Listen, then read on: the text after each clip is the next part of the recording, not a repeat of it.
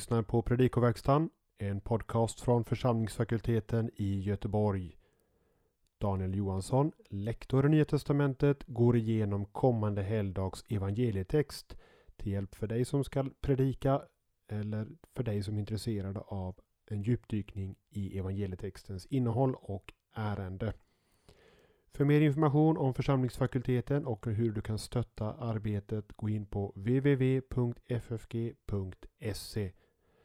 Men nu Daniel Johansson. God lyssning. Första årgångens evangelium för Kristi himmelfärdsdag hämtar vi från Markus 16, 19-20. Det är Markus evangeliets två sista versar. Texten kontrasterar med hjälp av partiklarna men och de i inledningen till respektive vers. Å ena sidan vad Jesus har gjort och å andra sidan vad lärjungarna gjorde. Meta tåla läsai i vers 19 är en infinitivus akkusativ som föregås av artikeln meta. Den här konstruktionen indikerar tid efter. Efter att, underförstått han, talat till dem. Det här kan syfta på konversationen i de föregående verserna i 14 18 men det kan också vara en mer allmän tidsangivelse. Om vi översätter versen som helhet så får vi efter att Herren Jesus alltså talat till dem togs han upp till himlen och satte sig på Guds högra sida. Ekeinoi eh, i vers 20 då. Dessa syftar på lärjungarna som omnämns i vers 14. To kyrio synergontos kaiton logon bebajontos är en genitivus absolutus där participet står i presens medan Herren verkade tillsammans, underförstått med dem, och bekräftade ordet. Och till sist participet epakolothonton är attributivt genom tecken som följde efter. Översätter vi den som helhet så får vi efter dessa gått ut förkunnade de överallt under det att Herren samverkade med dem och bekräftade ordet genom tecken som följde det. Strukturen på avsnittet är som redan nämnts inskriven genom partiklarna men och de. Å ena sidan så handlar det om Jesu himmelsfärd, å andra sidan om hur Jesus samverkar med lärjungarna i missionsverket. Beskrivningen av himmelsfärden i vers 19 för närmast tanken till Apostlagärningarna 1.11. Eh, men den påminner också i stora drag om Andra Kungaboken 2.11, Elias himmelsfärd. Där lämnar Elia jorden. Eh, Elisa fortsätter med Elias mantel, hans verk. Jesus lämnar här jorden och lärjungarna fortsätter med hans bistånd, hans verk.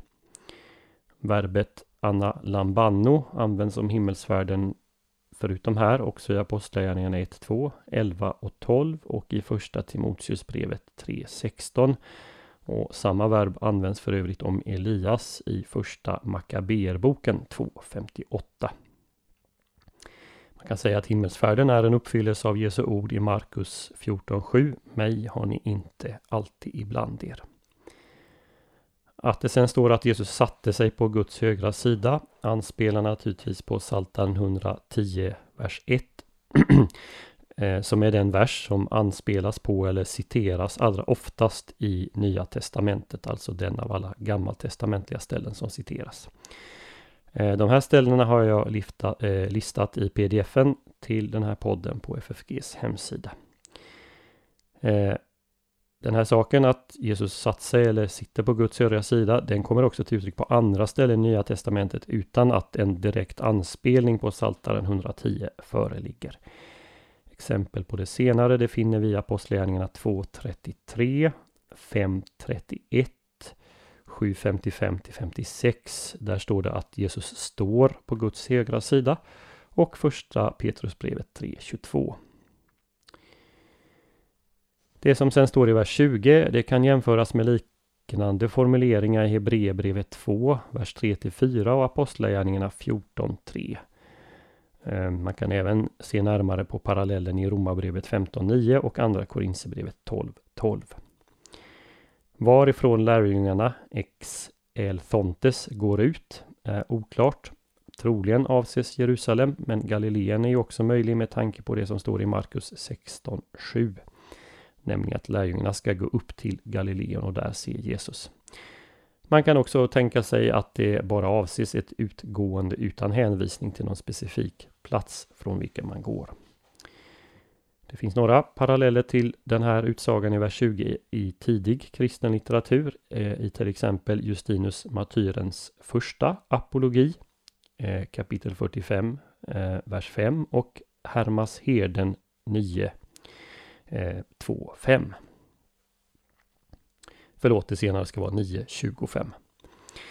I allmänhet kan man säga att vers 20 sammanfattar en röd tråd i apostlagärningarna, nämligen att apostlarna förkunnar Jesus och gör under genom Jesu namn. Trots att Jesus är skild från lärjungarna, något som Jesus adresserat i Markus 13, 34-36, är han ändå närvarande och bistår dem. Även om det är annorlunda formulerat så sägs i sak detsamma som i Matteus evangeliets sista vers och se jag är med er alla dagar till tidens slut. Mönstret här är också detsamma som i Jesu utsändning av sina lärjungar i Markus 3, 14-15 där det står att Jesus kallade de tolv för att sända ut dem att predika och driva ut onda andar. Och samma mönster återkommer sedan i kapitel 6, 7-13 i vilket också olika former av helanden omnämns. I detta skeende så är predikan av ton logon av ordet det primära och centrala. Men detta ord får sin kraft från Herren som medverkar, samverkar med lärjungarna och det bekräftas genom olika tecken.